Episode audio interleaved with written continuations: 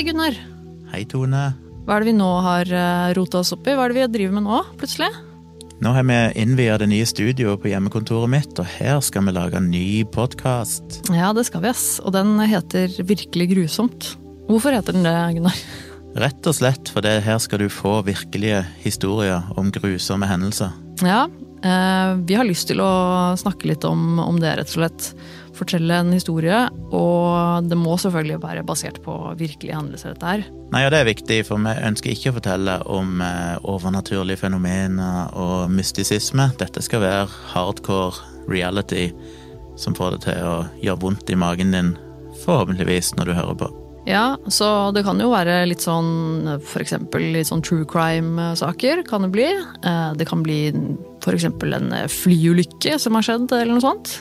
Det kan være mystiske forsvinninger som aldri er blitt oppklart, men der vi har en del informasjon så vi vet hva som skjedde før disse menneskene forsvant. Eller en en seriemorder som har drept masse mennesker, eller kanskje bare et eh, drap som var ganske grusomt, eller noe sånt. Eller kanskje bare noen som har blitt fanga og torturert.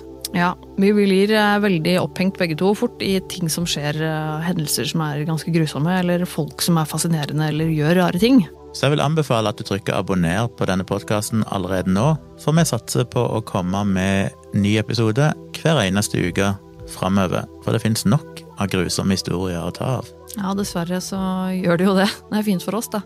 Men vi vil gjerne ha tips eh, fra dere også, egentlig. Det er veldig hyggelig å, å få. Eh, om det har en konkret hendelse, sak, person, et eller annet som er litt grusomt, så kan du sende inn tips til oss om hva vi burde prate om. Vi har opprettet en eh, mailadresse som du kan eh, tipse oss på. Det er virkelig grusomt.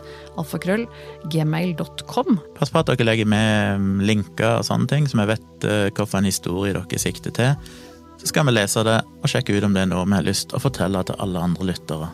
Jeg har allerede et par eh, historier eh, klare i hodet mitt som jeg gleder meg til å lage grøss nedover ryggen din med, Gunnar. Jeg gleder meg til å høre, og hver uke så kommer vi til å rate historien på en grusomhetsskala som er veldig, veldig subjektiv.